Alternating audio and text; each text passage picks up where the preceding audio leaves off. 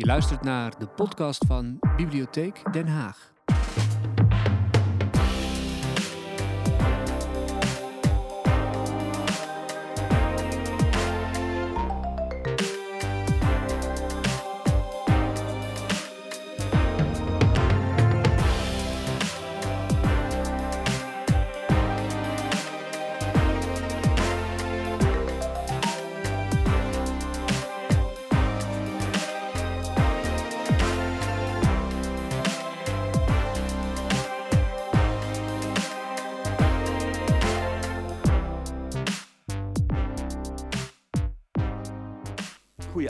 Nacht van de dictatuur. En het is goed om te zien dat er zoveel mensen afkomen op zo'n vrolijk onderwerp. Uh, nacht van de dictatuur uh, is, is, vanavond uh, in de hele stad aan de gang. en dit programma van Be Unlimited Literature Late Night maakt daar onderdeel van uit. Dus het is samen georganiseerd door de bibliotheek en ProDemos. Um, dictatuur is een, een, een nachtmerrie voor iedereen behalve de dictator zelf. Uh, je kan er ongelooflijk veel over vertellen en dat gaat vanavond ook gebeuren. Um, maar één ding is zeker, het gaat ook over taal. Het gaat over de taal van controle, het gaat over de taal voor uh, de, de, de, de, de bittere utopie die de dictator voor zich ziet. Het gaat ook over de taal van verzet. En daarom is vanavond gekozen voor een gesprek over eh, de kracht van het woord in een totalitair systeem. En dat doen we met uh, twee schrijvers, twee geweldige schrijvers, twee geweldige persoonlijkheden. Um, die ik nu onder jullie rollende ovatie vraag naar voren te komen. Mira Fettichu en Frank Westerman.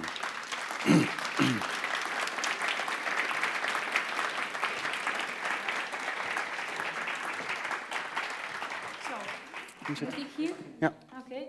In het Roemeens zeggen wij tussen twee regent dat niet.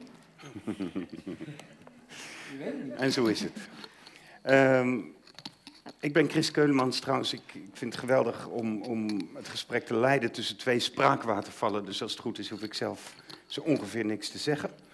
Ik wou wel even weten iets over jullie. Wie is al naar het openingsprogramma geweest, hier vlak voor, van de Nacht van de Dictatuur? Ja. Een enkeling? Daar. Ja. Ja. En. Twee. Precies. En wie uh, wil straks nog naar een van de andere programma's die hierna volgen?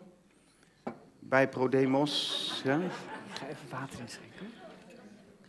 Oké, okay, ik dacht dat jullie allemaal echte dictatuurfans waren. Um, je mag het doen en als je dat wil doen, dan krijg je bandjes na afloop waarmee je dan ook daar weer naar binnen kan. Uh, we hebben hier op tafel een aantal dingen staan en liggen. Een aantal boeken van Mira Fettichu en Frank Westerman en vier glazen. Vier, hè? Dus Denk ik zou je? zeggen, laten we drinken op de afwezige dictator. Oké, okay. ja, dat drink ik niet. Hmm.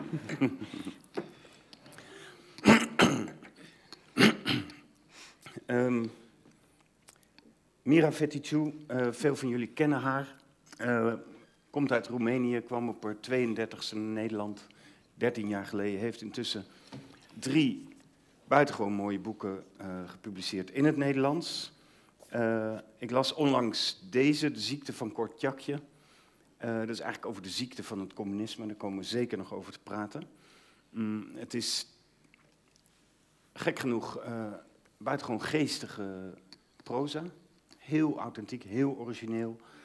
Uh, en regelmatig heel beklemmend en heel confronterend. Het is, het is in een stijl die ik nauwelijks ken in de Nederlandse letteren. Mira schrijft hem. Mira is ook de samensteller van dit programma, want ze werkt als programmamaker voor Be Unlimited hier in de bibliotheek. Werkt hier al heel lang, kent hier dus heel veel mensen. En ik ben dan benieuwd, wie van u is in een dictatuur opgegroeid? Aha. Wow. Ook een handvol. Uh, wie heeft de roots in Roemenië, zoals Mira? Daar. Aha. Een, uh, een enkeling. Wie komt er toevallig uit Assen? Geen dictatuur, voor de, hè, dat wil ik er niet mee. Maar Frank Westerman wel. Um, Frank Westerman is eigenlijk. Die begon als, als ingenieur, uh, waterbouwkundig ingenieur. Hè? Ja. En we hebben een aantal van zijn boeken, want vervolgens werd hij journalist, uh, correspondent NRC, Volkskrant, Rusland, Bosnië, Servië. En nu een hele reeks boeken. Een aantal van die boeken die denk ik relevant zijn voor het gesprek van vanavond. Een woord, een woord, vorig jaar verschenen um, over de, de, de, de, de Molukse treinkapingen in de jaren 70. Maar ook over de kaping van de school in Beslan in de jaren 90. En over hoe je daar als onderhandelaar, dus als man of vrouw van het woord, al dan niet uh, verschil in kan maken. Ingenieurs van de Ziel, 2002 uh, een fantastische rondreis langs de literatuur in de vroegere decennia van de Sovjet-Unie. En hoe grote schrijvers uh, um, geacht werden, gedwongen werden. Um, het nieuwe Sovjet-ideaal in literatuur voor de arbeider om te zetten. En de slag om Srebrenica, waar Frank Westermans een van de weinigen uh, tijdens de oorlog was en daarna uh, twee boeken geschreven over die tragedie en de nasleep. Plus, Frank Westerman heeft gisteren het manuscript voor zijn nieuwe boek ingeleverd, Wij de Mens. Gisteren ingeleverd, vanavond is hij hier. Dat verdient een toch ook wel. Gefeliciteerd. Want je zit niet elke dag in de kamer met iemand die net een meesterwerk heeft geproduceerd. Dat weten we al. Dat, dat, weet wordt. dat weten we al. Uh, we gaan praten over dictatuur, over communisme. Met jou speciaal over uh, de rol van de schrijver en het woord en de literatuur daarin. Maar ook daarna. Uh, tot en met vandaag. Ik wil als eerste van jullie allebei vragen Waar waren jullie in december 89 toen Ceausescu als een van de dominostenen in die winter uh, viel? Waar was jij, Mira? Thuis. Ik was met kerstvakantie. Ik zat in een internaat. Uh, ik was 15 en ik ging met kerstvakantie op bezoek bij mijn ouders. En ik was verkouden. Ik uh, had een roze trui aan. En ik keek gefascineerd tv. Hè.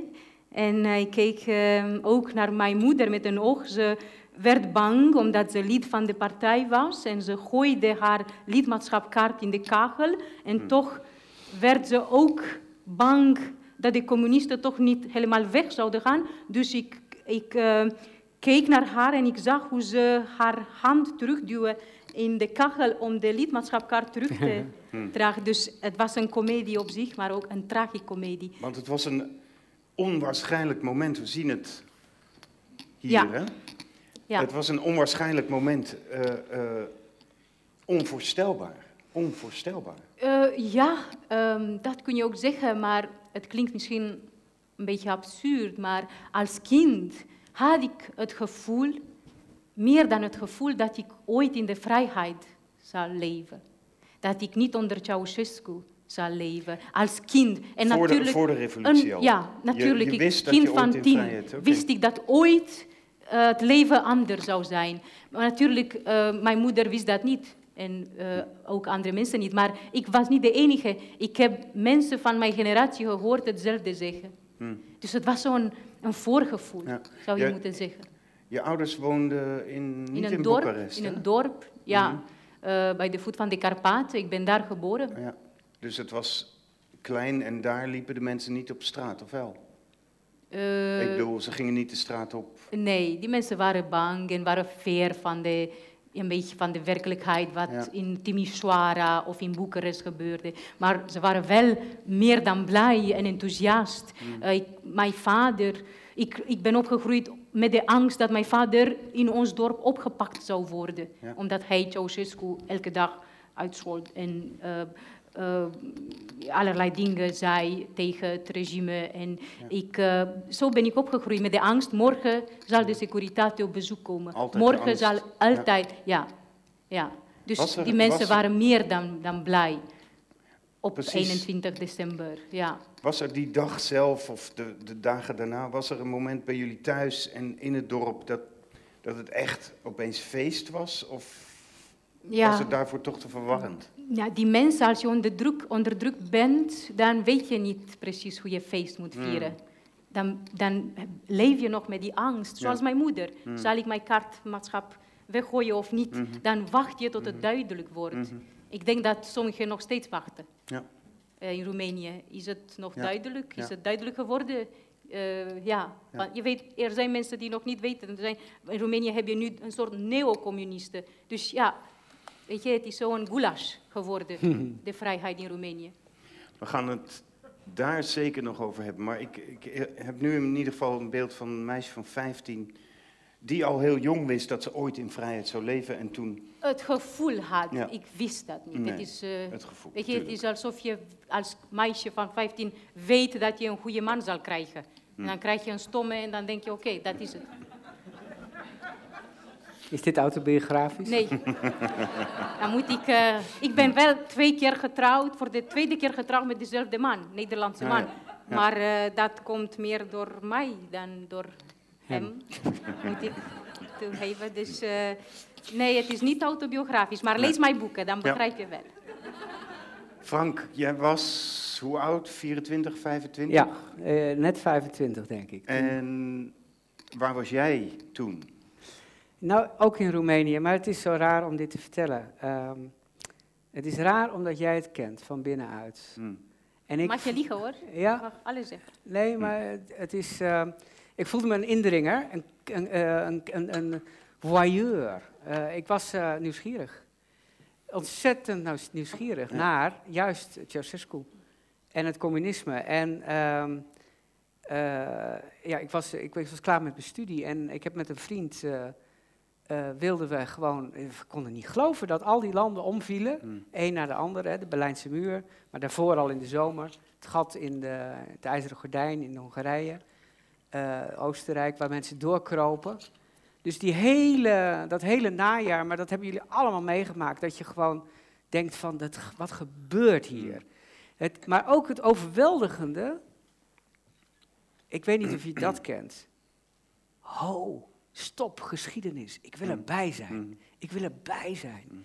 En uh, uit die nieuwsgierigheid hadden we uh, met Bart Rijs, een vriend van mij die ook journalist wilde worden, um, het idee van we gaan gewoon uh, naar Roemenië, want daar gebeurt niets. Hmm.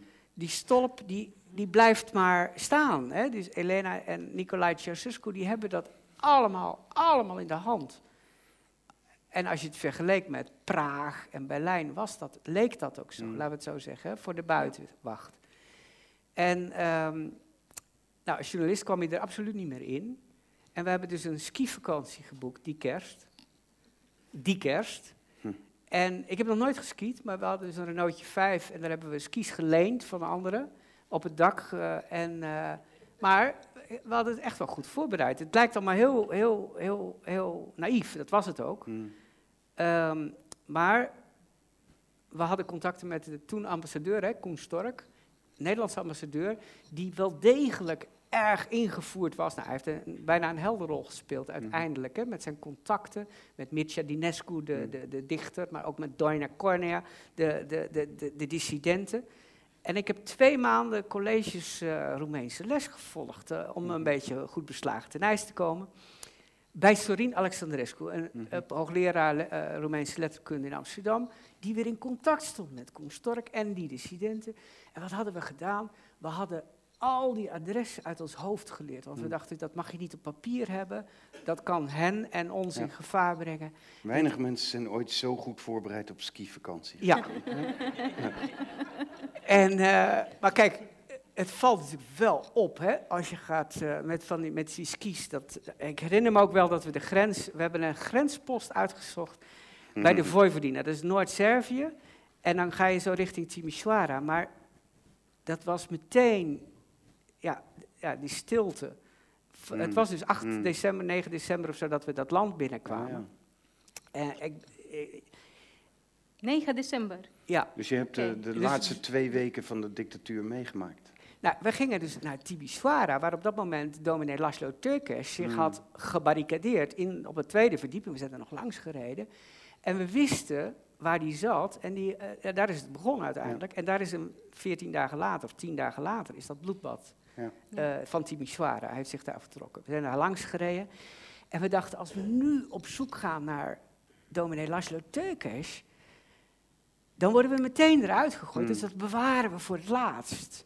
Dus op het laatst, ik, ik zal het iets korter vertellen, waren we op weg naar, eh naar Timisoara. En toen zijn we eh, gepakt. Ik heb allerlei details, maar het is zo ontzettend raar om dit te vertellen, omdat ik het idee heb dat ik alleen maar mijn neus heb gestoten. Mm. We hebben alleen maar een schampontje Mm. gehad. Terwijl de mensen die dus echt in Timisoara eh, de straat op zijn gegaan, die zijn ja, eh, omgekomen of, of, of hebben dat. Het is niet te vergelijken. Hè? Dus onze, onze, onze beeld. kuifje, Ja. rol. Ja. eh, we zijn dus opgepakt, we zijn ook in elkaar geslagen in een steegje Ja. voor het huis van Doina Cornea in Cluj. De, ja. Ja. En eh, op een dissident. avond. Ja. Ja. In Die En- overleden is vorig jaar. En we zijn uiteindelijk die hele avond, die hele nacht ehm, eh, ondervraagd. Ook apart van elkaar. Ik heb ook, eh, eh, ik had zo'n blauw oog. Ehm, we zijn naar een lokaal gebracht waar het portret van Ceausescu hing. Ik hoorde Bart zeggen dat we alleen maar Frans en Nederlands spraken. Oké. Ja. En toen moest er een tolk komen en dat was een soort dandy-achtig jongen met een sigarettenpijpje. En die begon in het Frans tegen ons en die zei, ah, ruzie gemaakt in de disco. Hmm. En ik herinner me nog dat ik zei, nee, dat heeft hij gedaan. Hij heeft Hmm. me in elkaar geslagen. Mm. En uiteindelijk zijn we om vier uur s'nachts, uh, heeft de securitator onze auto aangeduwd, skis op het dak. En we zijn onder escorte het land uitgezet. Ah, En dat is de nacht van het bloedbad van juist. het weekend van Timisoara Ja. geweest. Ja. En het land zat weer dicht. Eh, journalisten hadden geruchten gehoord. Maar wij waren de enigen die eruit gezet waren. Ja. En wij zijn in een autootje. Ik heb bij en een zekere meneer Krudinak, een soort Paul, Witte, Paul, Paul Witteman van Hongarije, in, in een talkshow gezeten. Omdat ik met mijn blauwe oog Hmm. was. Ze hadden was geen de andere. dissident die Roemenië niet had. Eigenlijk. Ja, ze hadden, nog, Nederlander. ze hadden Want- nog niemand. Want, want jullie schreven, jullie publiceerden dus wel het verhaal. Je, je, Ja. je schreef voor de krant. Eh, kijk, dit, dit, dus dit is het kuifje-verhaal. Ja. En dat, maar aan de andere kant, wat we hadden, we hebben dus twaalf dagen daar rondgereden. En we hebben iedere keer lifters meegenomen. Aha. Nou, je kent het. Iedereen in Roemenië was aan het liften. Mm. Want de bus kwam niet, of weet Ja. ik wat. En als die mensen in de, in de auto zaten en met, met die paar woorden Roemeens of soms Duits, hoorden we de meest, ja, vond ik, bijzondere verhalen. Mm. We zijn naar een van de dorpen geweest die was afgebroken, niet zo ver onder Boekarest. Waar die blokkoel stonden, hè, dus die flatgebouwen, die boeren. Met, ik heb foto's gemaakt. Dus Mm. We hadden zoiets van, dit is, dit is, dit is zuurstofloos. Mm. Dit, is, dit is verstikkend. Ja. En we wilden graag op een of andere manier dat verhaal naar buiten Ja. Brengen. We wilden het ook begrijpen. Ja. Maar ondertussen waren we eh, bij Koen Stork geweest op de ambassade. En, en die zei, je moet nu naar Timisoara gaan, Mhm. want daar gaat het nu mis. Mhm. Dat durfde hij niet hardop te zeggen. Hij schoof een briefje over de tafel. Ah, ja. Hij zei, lees dit. En daar stond in, jullie moeten nu Zo. die kant op. Want hij werd ook in zijn eigen Ja, ambassadeurswoning Ja. afgeluisterd. Ja, en Ja. Hij, hij nam ons mee naar die ene kamer waarvan hij zei van... ik denk dat we hier niet worden afgeluisterd, maar uit voorzorg geef ik je nu... Ja. En toen schoof het briefje en wij waren al van plan die kant op te gaan. We hadden ook een soort afspraak dat we, als we na 48 uur niks van ons hadden laten horen... dat hij zou zeggen van, hé, hey, en waar zijn die twee jongens? Ja. Dus aan de ene, het is zo'n raar verhaal als ik het moet vergelijken met wat de Roemenen zelf Mm. hebben door, eh, doorstaan. Dus ik vind het... Ik vind Dus het we... Snap je dat? Dus Ja. mijn, mijn aarzeling om, Ja. om, om dit te vertellen is dat het niet te vergelijken is met iemand die in een dictatuur is opgegroeid. Maar het Nee. is wel moedig hoor. Maar... Ja, of ehm, dom. Nee, maar ik, ja. Ja, Het soms is zijn ze moedig, het synoniemen. is, Ja. het is moedig, het is Dat dom, het is is- nieuwsgierig vooral. Ehm, Ja. Mira, maar inderdaad, het is, het, is, het is een volstrekt andere manier. Maar het is, wel, het is wel mooi om te weten dat we praten over dictatuur. En jullie Ja. waren allebei toen in die beslissende weken, waren jullie daar. Eh, kenden elkaar nog niet. Geen idee dat je ooit samen in de Haagse Nee. bibliotheek hierover zou zitten praten. Er is niets over Nederland. Nee. Maar, wat ik me wel afvraag, ehm, het, was, het was niet een feest zoals zeg maar hier bijvoorbeeld eh, ehm, gevierd werd dat we bevrijd waren na de Tweede Wereldoorlog. Het was niet zo'n soort feest, want het was onzeker, het was griezelig, onvoorspelbaar en bloedig, ook in die weken daarna. Ehm, maar was er een droom? Kwam er een droom los? Ja, ik denk meer dan een droom. Ik herinner me, eh, we gingen naar school daarna. Ehm, in mijn internaat, dus met de meiden van mijn klas, gingen wij, eh, we wilden wij meisjes van 15 de directeur, de corrupte directeur, wegsturen. Ah. En het is ons gelukt. Oh ja. Want iedereen ging weg als je iets tegen hem ja, had eigenlijk en Mm. was, had hij een positie. Dat was genoeg om te zeggen, je bent corrupt, je hebt dat gedaan, dat gedaan. We hadden grote lange lijsten met wat hij allemaal Aha. gedaan heeft. Het is ons gelukt. We gingen met een pankaart met een citaat van, uit Spinoza over de vrijheid Mhm. ehm, naar buiten. En we hebben hem weggestuurd eigenlijk. Hij en hem en eh, de administrator Mhm. eigenlijk, eh, een, een pedofiel. Eigenlijk, die Ah. een meisje, elke twee weken een meisje eh binnen vroeg. Ah. Ja, dus het is, wij hebben ook onze revolutie gehad. Oké, maar- en- De en- meiden, en 200 dan is- meiden. Dan is droom misschien niet het goede woord, maar je had wel dus van de ene dag op de andere bijna Ja, het gevoel het is- van het mag nu, het kan nu. Het is, het is net, net als in wacht op Godot en de Hmm. Godot komt. Hm. Ja. Weet je? Bij ons is Godot gekomen. Hm. Maar. Mira, mag ik vragen? Heb je ooit met zo'n sjaaltje eh, de communistische liedjes gezongen? Eh, ja, natuurlijk heb ik dat gedaan. Eh, wij hebben allemaal dat gedaan. Eh, niet, op de, niet, niet in mijn internaat, eh, maar wel op, de de, basisschool in mijn dorp. Ja. En we hadden het allemaal een had sch- het ook Die sjaal was verplicht. Ik bedoel, je kon zonder een been Ja. naar school gaan, maar niet onder die sjaal.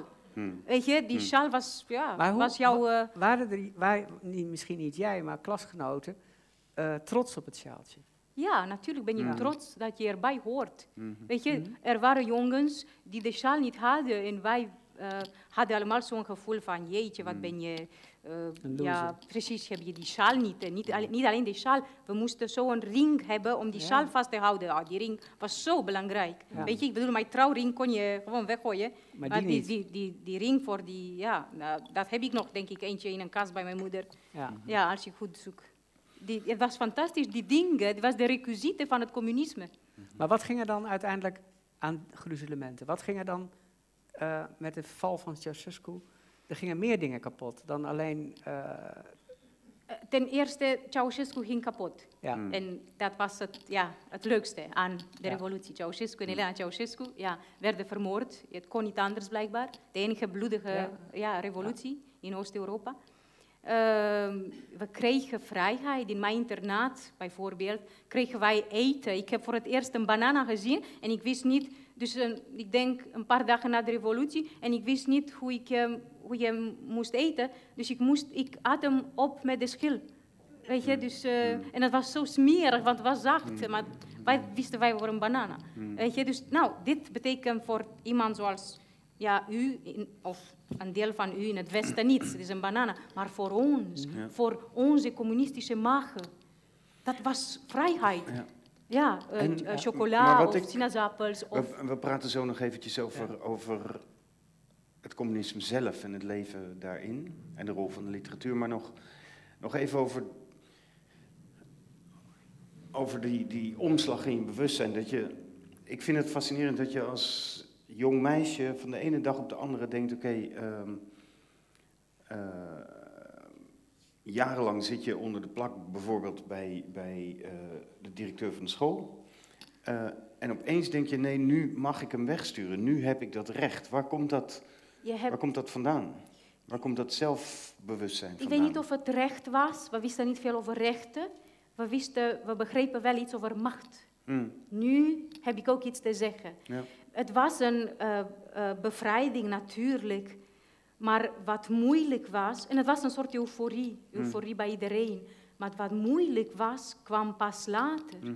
Ik denk vijf jaar later heb ik de gruwelijkheden van het communisme echt gezien. De mensen die, die in de gevangenis zaten en die nog eh, niet dood waren, eh, schreven memoires. Ja. En dan hebben wij die memoires gelezen. En Ja. toen werd ik inderdaad ziek. Begreep ik Ja. wat een de monstruositeit van het systeem, hoe verschrikkelijk het was. Ik herinner me dat ik wekenlang eh, slaapproblemen had en moest ik met iemand praten. Dat was verschrikkelijk om te begrijpen wat het systeem eigenlijk betekende. Want in mijn dorp en mijn internaat ja, hadden wij dezelfde dingen meegemaakt. Niet alleen ik, andere 200 meisjes. In mijn dorp hadden wij, moesten we allemaal in de rij staan, elke dag voor brood, brood op boon. Dus het, was, het leven ja, was niet anders. We wisten niet wat een beter leven betekende.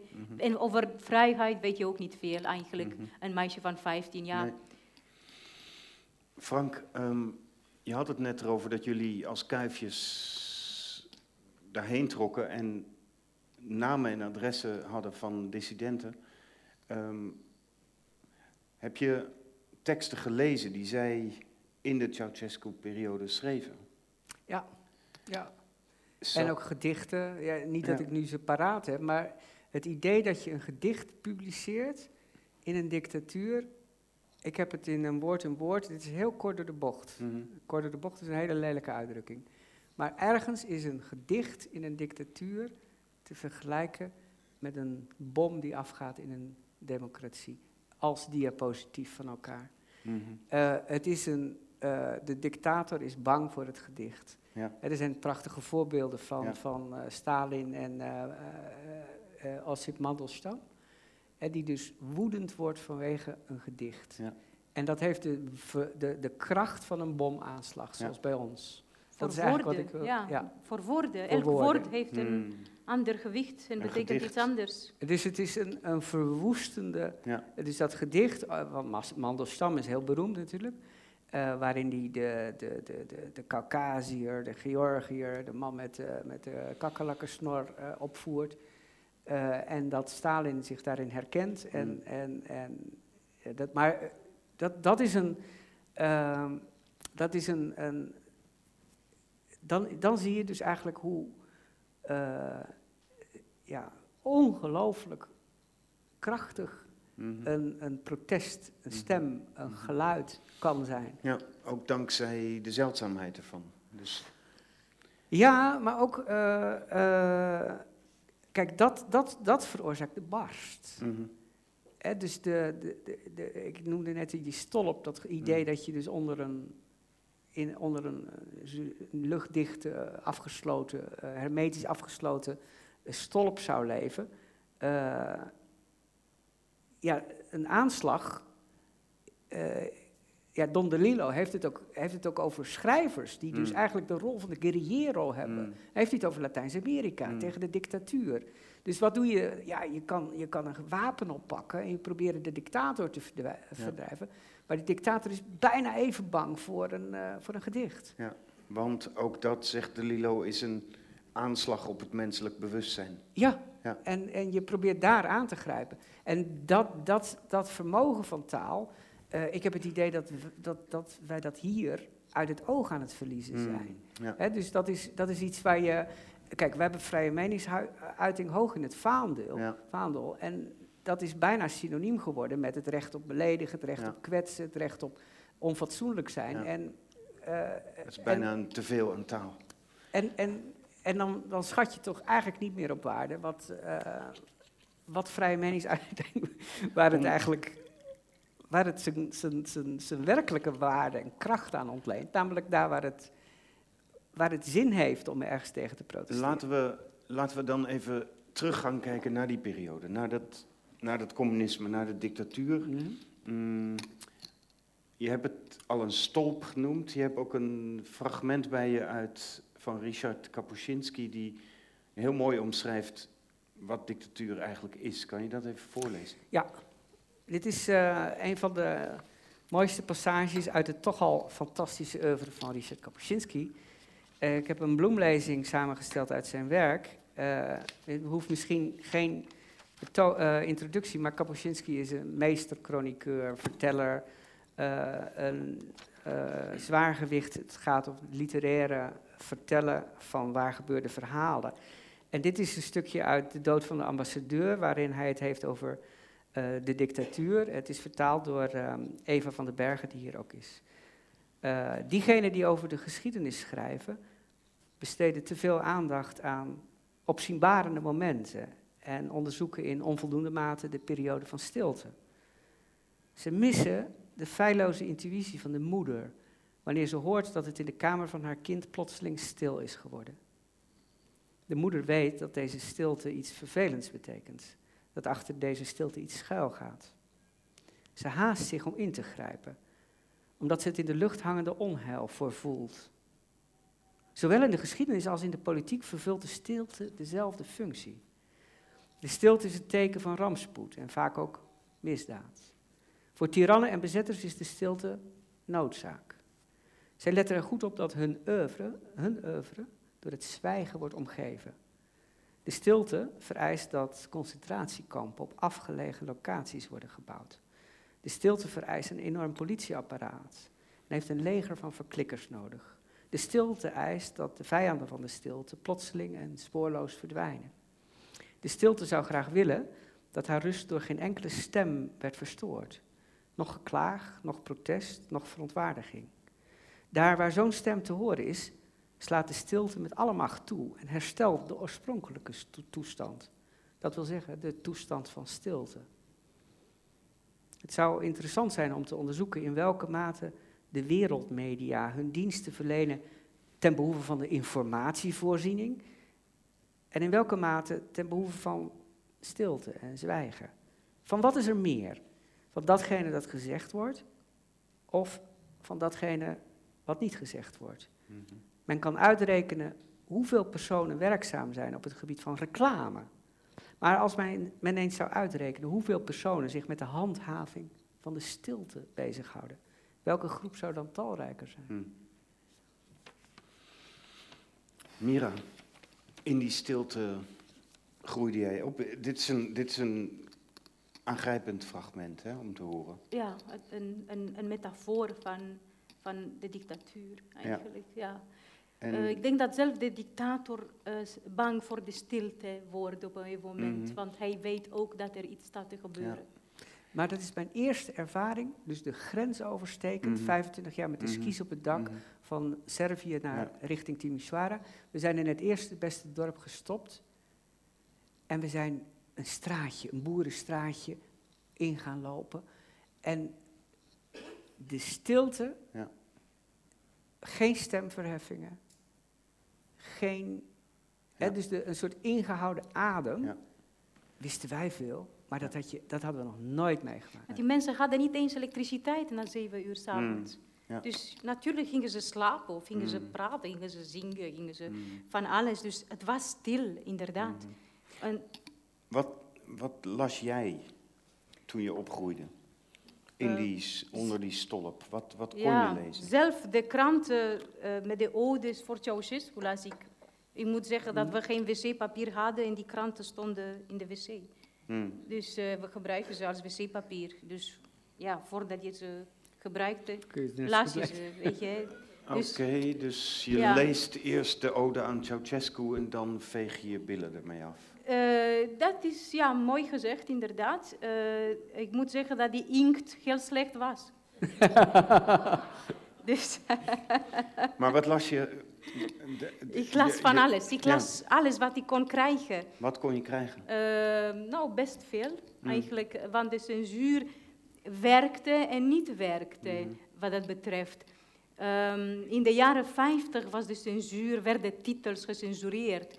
Toen ik opgroeide, dus in de jaren uh, 80, mm. noemden we de bevrijding, weet je.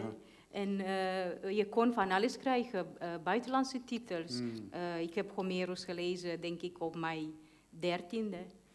En, Zoals wij allemaal. Ja. ik heb een goede school gehad, communistische mm. school, maar ja. ja. Um, ik las verhalen, ik las ook de Roemeense schrijvers. ik wist niets over hun leven, natuurlijk. Mhm. Het leven was eh, la vie en rose voor iedereen Mhm. in boeken, weet je. Je kreeg niets te horen over hoe gruwelijk het was. Als ik, ik las, ja, jaren later, weet je, dat een bekende dichter die ik las bijvoorbeeld op zijn 74ste gearresteerd werd, s'nachts. eh en eh, ze hebben hem gemarteld omdat hij schrijvers over eh, geloof, eh, gedicht over geloof schreef. Aha. En eh, ze hebben hem zo gemarteld met een plank op zijn borst, met een hamer op de plank. Want als je dat op de plank eh, deed, eh, je sloeg op de plank, dan liet je geen sporen. Hmm. Weet je, dat, en weet je, als ik dat toen wist, denk ik dat ik gewoon gek eh, was geworden. Maar je wist toen als kind niet, je las. Literatuur was mijn redding. Ja. Je wist dat niet. Je wist eigenlijk niet in wat voor wereld je leefde. Nee, dat wist onder ik welk niet. systeem je leefde. Ik, wist, ik kende wel de angst. Hè. Wij, Dat- wij kenden, we noemen Precies. drie F'en. Mhm. Eh, fame, frik, zie- frieken. F- eh, honger, kou en angst. Hmm. Die drie F'en ja, Ja. waren mijn vrienden Ja. in mijn kindertijd. Ja. Dus wij allemaal. Ik, eh, ik als kind van zeven ben ik met de angst, ik bedoel elke avond naar bed gegaan, eigenlijk met de angst dat we, we hoorden dat Ceausescu vers bloed nodig had. En eh, ik dacht, nou, dan komen ze mij oppakken. En ik bedacht dat ik een herpesziekte had of zoiets. Mm. Weet je, dat mijn bloed... Ik, bedacht eh, zo'n een speech wat ik eh, zou moeten zeggen. Het klinkt absurdistisch, maar het was waar. Ja. Weet je, dus allerlei... Ja, je groeit op met de angst. Je bent bewust en onbewust overal op, op het ergste voorbereid. Op elk moment van de dag. Ja, natuurlijk. Ten eerste dat mijn vader ook gepakt zou worden. Weet je, van alles. Dat Mira- je Mira- morgen geen eh, brood... Dat was... Nee. Dat je Mira. morgen geen brood zou hebben. Wat, wat wist je of wat dacht je te weten van het Vrije Westen? Hmm. Niets. We wisten wel... Ik, Dat- ik- dat het ik- bestond. ja, ik wist wel dat Frankrijk bestond. Weet je, Hmm. we waren francofiel allemaal. Maar kapitalisme. Hmm. Ja, niet. Kapitalisme was gewoon eh, de duivel, weet je. En zo'n pact. Was je, nieuwsgierig, was je nieuwsgierig naar Nee, want het kant? was gesloten. Niet voor niks noem je dat, weet je, de, de val van de muur. Ja. Het was letterlijk een muur. Hmm. Maar je, ik was dus- wel nieuwsgierig, ook als kind. Want Hmm. mijn ouders die zeiden van, eh, ja, daar mag je niet naar de kerk. En wij gingen naar de kerk. En als je dat deed, dan... dan hè, dus ik had Hmm. een beeld van... Ja, maar je kerk was 100 meter vandaan. Nee, maar dus, dus, dus Van mijn, beeld, vandaan. mijn beeld van Ja. achter het ijzeren gordijn, achter, vanuit het westerse perspectief, was eh, eh, als kind van, dat is eh, duivels. Hmm. Ja. Hmm. Ja, ik wist, ik zelf wist niets over het Westen. Ik heb nu, ja, toen ik naar het Westen kwam, heb ik me afgevraagd, ja, wat wist het Westen over, van ons eigenlijk? Niet veel. Hmm, Bij de lezingen bijvoorbeeld werd ik door iemand afgevraagd of eh, wij wc's hadden of hebben in Roemenië. Nee, maar, Weet je, dus maar ik- wij, jullie wisten ook niet andersom, veel van Roemenië. Andersom, Nee, het is een- nee, het is een nee. mooie vraag. Ja, maar, maar het, het is dus, als je als schrijver gebruik je verbeelding om je te verplaatsen. En ik her- herinner me dat ik in verwarring raakte, want vanuit mijn ouders en de kerk was het, het echt het, het rijk van het kwaad, de Sovjet-Unie Ja. en het Oostblok. Maar op de universiteit eh, wa- was iedereen neo-Marxist en hadden ze, was er een, een sfeer van, ja, het is de heilstaat, niet Hmm. voor iedereen, hè, dus zeker niet voor iedereen, maar er was een, een, een belangrijke groep, die, die, die, die waren zo anti-Amerikaans, dat ze het Sovjet-systeem wilden verheerlijken. Die hadden, dat, dat waren, daar moest ik mee Ja, omgaan. maar dat was ook. De, de- je had natuurlijk toch niet veel, maar wel meer informatie dan andersom, denk ik. ik, eh, misschien ben ik trager geweest. Eh, Maar je was tien jaar jonger, maar... Eh, ja, misschien, maar eh, ons leven Ja. was echt gesloten. Wij wisten niets. Nee. Ik ben na de revolutie, tien jaar na de revolutie, voor het eerst naar het buitenland gegaan met de kerk, niet eens mijn kerk, Ja. de kerk van een vriendin. Eh, en ik ben thuis gekomen met duizend foto's van zwarte mannen. Ik had nooit in mijn leven Mhm. zwarte mensen gezien. En mannen niet, nooit. Dus ik eh, ben thuisgekomen met eh, zoveel foto's van zwarte mannen. Mijn toekomstige man die in Roemenië op mij wachtte, zei...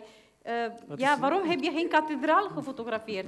Ja, die waren niet interessant voor mij. Maar die zwarte mannen waren heel interessant. Andere mensen. Het leven, Ja. ja, was niet zo wit. Ik ben heel blij om dit te horen, dat, dat in jouw ogen een van de grootste verworvenheden van ehm, West-Europa de zwarte man. Nog steeds hoor. Ja, heel goed. Heel goed. Zullen we de kans grijpen om iets te doen? We hebben het er vooraf even over gehad. Ehm, je groeide daar op, je wist niks, je zat in het internaat of in het Je wist dorp. niks. Eh, Ja, het was donker, er was geen stroom, het was koud, je was bang, ja. maar je zong liedjes. Mijn vader zei, als je, om er niet gek van te worden, na zeven uur hadden wij geen elektriciteit, geen stroom, moet je leren zingen. Hmm. Dan eh, ja, moesten we allemaal, we, ik, ik, we hadden geen, ja, we, geen talent, maar weet je, je zong wel. Weet je, het, het helpt enorm. Ja. Frank, jij bent volgens mij heel goed, in, jij bent een kenner van Mira's eh, zangrepertoire. dus misschien moet jij haar even introduceren. Nou, dat, dat vereist eh zover even duiding. Ehm, we waren op hetzelfde eh, literair festival uitgenodigd afgelopen zomer, hè? dus Ja. deze zomer, in het overigens heel koude Bloemfontein, waar het nu eh, winter is, Zuid-Afrika. Zuid-Afrika. En ehm, Met een heel warm hart, Bloemfontein. ja, Mhm. met een ha- warm hart, maar dat is ook weer ehm, eh, opgewarmd door de zangkunst van Mira. Want jullie zaten in de auto Ja, en eh, eh, urenlang. urenlang van Bloemfontein naar Sterkfontein. Wat wil je nog meer? En eh, ik heb nog. eh eh, nee, goed, op een gegeven moment dan. eh, dan, eh, dan eh, nee, dat was heel aangenaam. Ja, u, u, u begrijpt al, ik, heb, ik kan niet zingen. Hè? Wat moet je zeggen dan? maar ik zal het doen. Wat, Nee, nee, maar wat ze ga je vroeg- zingen? Ze vroeg naar één liedje, wil je er nog één? En uiteindelijk hebben we gewoon urenlang, heb ik eh, iedere keer ja gezegd. Dus dat, dat Ja, is... kon je nee zeggen, hè? ik ga zingen. Ik eh, eh, ben geen zangeres, dat zul u, zal u begrijpen. Maar ehm, ik zing wat mijn oma zong eigenlijk ehm, tijdens de dictatuur. Zong ze elke avond, mijn vader ook. We deden ook mee. Ehm, en ik ga een liedje zingen. Ik heb hem voor Jaap Scholte in Zuid-Afrika gezongen, omdat hij zo Hongaars geworden is. Dan noemde hij de steden van Roemenië in het Hongaars, op het Hongaars. Dan wilde ik hem pesten. En dan zong ik een heel ehm, eh, nationalistisch liedje Hmm. om hem terug te pesten.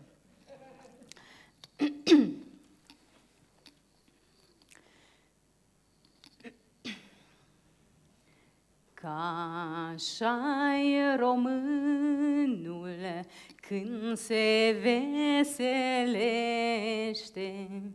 ca și stejarul când mugurește, ca așa românul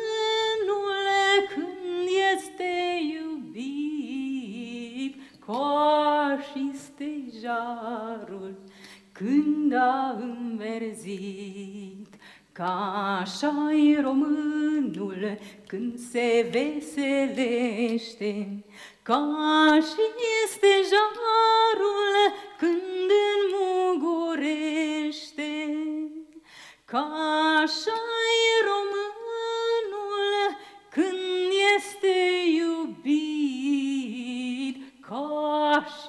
și stejarul când a înverzit. Wow.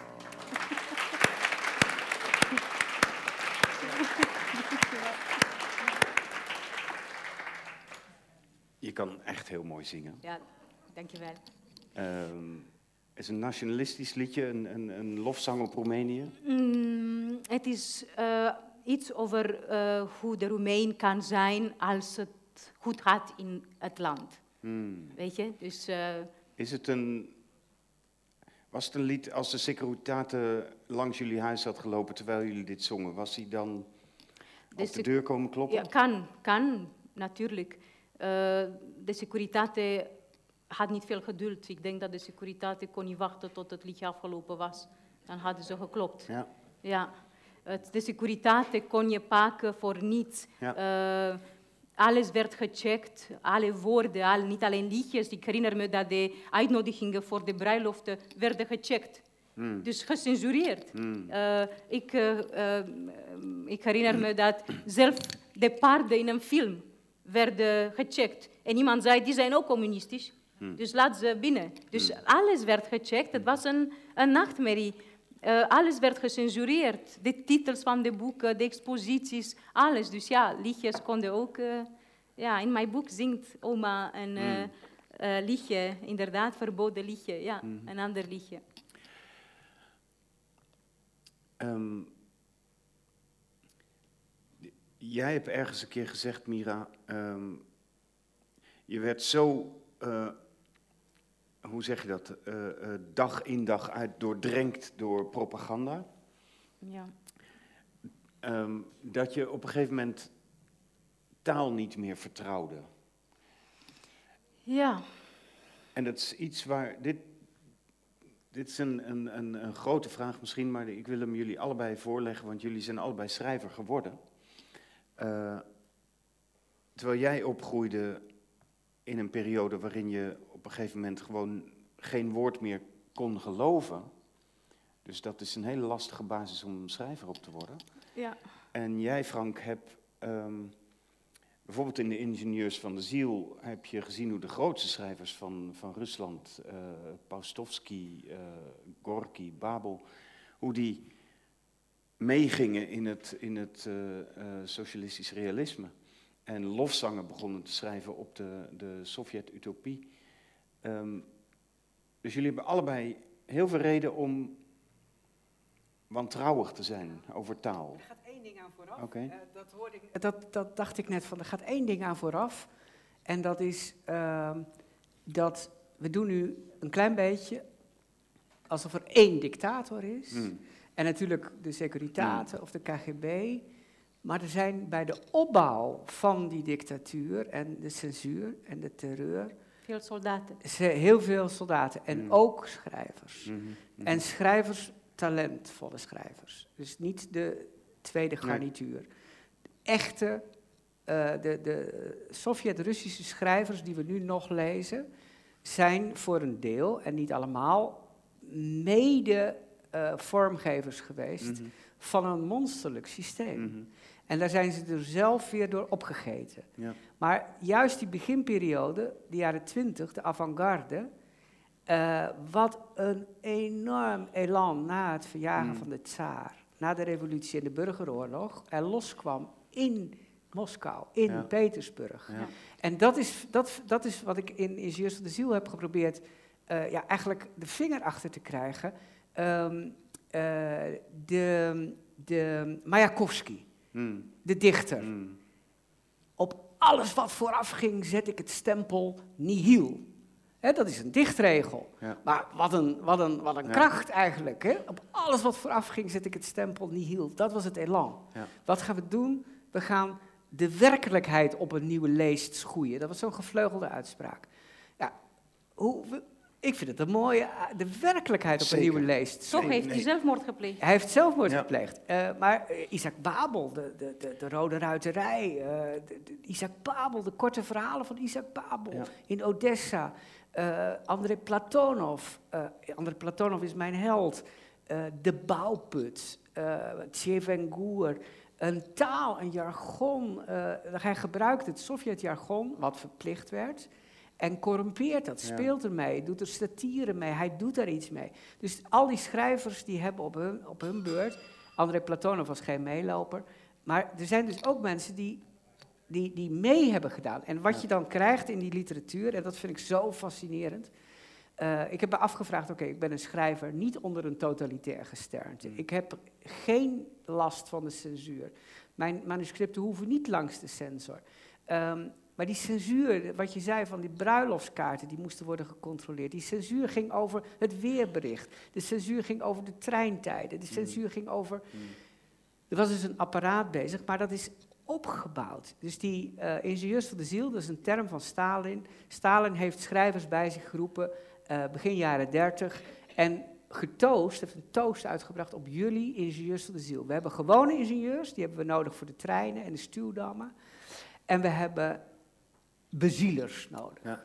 En jullie moeten die homo sovjeticus bezielen. Ja. Die lof zingen. En hij, die toast is natuurlijk een, een soort dodelijke toast geworden. Hè? Dat is de toast op jullie ingenieurs van de ziel. En ehm, dan krijg je het socialistische realisme. Maxim Gorky gaat dat vormgeven. Maar je moet bedenken, daar waren dus heel veel mensen heel enthousiast Ja. over. Eh, Maar dat we is gaan het- nu iets is het heel punt, moois doen. Nee, dat is heel goed. Dit gaat eraan vooraf. Want de- die fase van de energie, de droom, Ja. de, eh, de, de opbouw, het samenwerken. ehm, zeker. Ja. In, in Eh, Roemenië was dat niet, hoor. Nee, maar, maar, maar dat, de, de, de- mijn punt is, ik wil naar die volgende fase toe. En Ja. ook waar jij in terecht, Ja. waar jij in bent opgegroeid. Want eh, je beschrijft ook in de Ingenieurs van de Ziel hoe inderdaad de revolutie als een schrijvers opat. Ja, Met ja. vrijwel geen één is het goed afgelopen. Ja, ja. Mm, Ook de meest enthousiasten, Ja. juist misschien Ja. wel, hè, die het dichtst bij het vuur kwamen. En je beschrijft ook hoe ze allemaal worstelden of geworsteld moeten hebben, want je bent Ja. er niet bij geweest. Met die, die De vervuiling de van hun taal. Ja, Gewoon, wat er- eh, ze, ze, moesten, ze waren grote schrijvers en opeens moesten ze bizarre formuleringen, rare nieuwe woorden en eindeloos optimistische arbeidersverhalen Het pact met de duivel noemden we dat in Ja. Roemenië. Mhm. Maar er- wat er gebeurde, denk ik, denk ik hoor, weet ik Mm. niet. Maar ik heb, eh, ik heb veel van die jaren dertig Sovjet-literatuur Mm. eh, ook gebruikt in het boek. Maar ehm, het socialistisch realisme had allerlei uitingsvormen. Maar op, ge- en op een gegeven moment was het de productieroman. Mm. Dat heette, dat is een genre, de productieroman. Ik vind het alleen al, van, ja, ik weet niet wat, wat het bij jullie doet, maar dat je dus over produceren van goederen Mhm. romans kunt schrijven. Nou, ik heb een soort waterbouwliteratuur eh, geprobeerd aan te wijzen. Alleen maar boeken over stuwdammen. En er is, nou, even zijn naam vergeten, oh wat erg. Eh, F- F- Fyodor, Fyodor Fadeev, denk ik dat het. Nee, nee, nou goed. Ehm, over de Dnieperdam in de, in de Dnieper in Oekraïne. Nou, dat is dus non-fictie, zouden wij zeggen. Eh, twee boeken, twee kloeke delen. En eigenlijk als je die uit hebt, weet je hoe je een stuwdam moet bouwen. Hè, dat, is, dus, Ja. dat, is, dat, is, dat is. Maar goed, eh, wat krijg je dan voor boeken? Cement met een Mm. uitroepteken. Mm. Eh, voorwaarts tijd met een uitroepteken. Lente eh, op de Victoriekolgozen met een. Nou, ik weet niet of daar ook een Het uitroepteken was het enthousiasme van de nieuwe mens creëren. De nieuwe eigenlijk. mijn favoriet is Gidrocentral, de waterkrachtcentrale. Hè? Dus Mhm. wat is de titel? Ja. Dus de, de, de roman heet De Waterkrachtcentrale. Maar wat een heroïek daarin Ja. zit. En als je het goed leest, is het bloedeloos. Ja. Het is bloedeloos. En wat je verwacht en wil en eist van literatuur, is dat het drama Ja. in zich draagt. En wat is er gebeurd? Dat is uit die werken geknepen, Mm. geperst door de Mm. censuur, door de terreur, door de dwang. En heeft zich opgehoopt in de levens van die schrijvers. Aha. Zij zijn de werkelijke tragische figuren. Dus Mm. de producenten van dit proza zijn één voor één van een dramatisch, literair gezien, menselijk ook, tragisch gehalte. Mhm. Dat zij zijn eigenlijk de ware protagonisten. Ja. De dat- moraal is dat je niet zo snel een pact met de duivel moet Ook maken. dat, ja. ja. En- Want laten we dan... maar je ziet dus een, een hele waaier aan strategieën. Ja. De een gaat dus heel erg mee, de ander is de echte dissident, die gaat er heel erg tegenin. De derde zoekt satire, de ander gaat gewoon in de bossen wonen, Mm. ver weg. Eh, eh, En, en, En al wel die, schrijven, maar niet publiceren. Wel schrijven, niet Ja. publiceren. Sam is dat, zelf uitgeven. Tam is dat, eh, Mm. naar buitenland smokkelen. Dus, en ik vind het eindeloos fascinerend wat je met het woord en wat het met jou doet als je niet vrij bent. Ja. Daar hebben we het over. Mm, laten we naar de jaren tachtig dan gaan, de periode dat je opgroeide. In Roemenië, daar was, gok ik nou maar eventjes, de energie werkelijk het laatste druppeltje energie wel uit de literatuur, althans de, Ja. de, de toegestaande literatuur, weggeknepen. En dan kom ik inderdaad op het punt dat jij opgroeit en geleerd hebt eh, taal te wantrouwen. Want taal, Ja, taal is een leugen, taal vermaskert de werkelijkheid. ja, je wantrouwt toch- de taal. En toch ga je dan na de revolutie eh, beginnen te schrijven. Je wordt verliefd. Wat doe je als je verliefd wordt? Dan schrijf je gedichten. Weet je, de taal Ja. is een bij, vaak, eigenlijk. Maar na elke schrijft. dictatuur, ehm, heb ik op heel veel plekken gezien, na elke dictatuur moet een schrijver, ook als het een heel jong beginnend schrijfster is, die taal op de een of andere manier ehm, afpoetsen, uit elkaar sleutelen, eh, on- ontmantelen, om er, om er weer een nieuwe onbesmette taal van te Ja, maken. het is, ik bedenk het nu als je, alsof je borstmelk geeft hè, Mhm. aan het boek. Het Ja. komt, maar het doet pijn. Ja, Weet je, misschien moet je lang oefenen. ja. Weet je, ik weet het niet. Eh, ik wantrouwde de taal en ik was zelf verbaasd dat ik de taal zo wantrouwde. Ik herinner me mijn eerste bezoek eh, naar deze bibliotheek.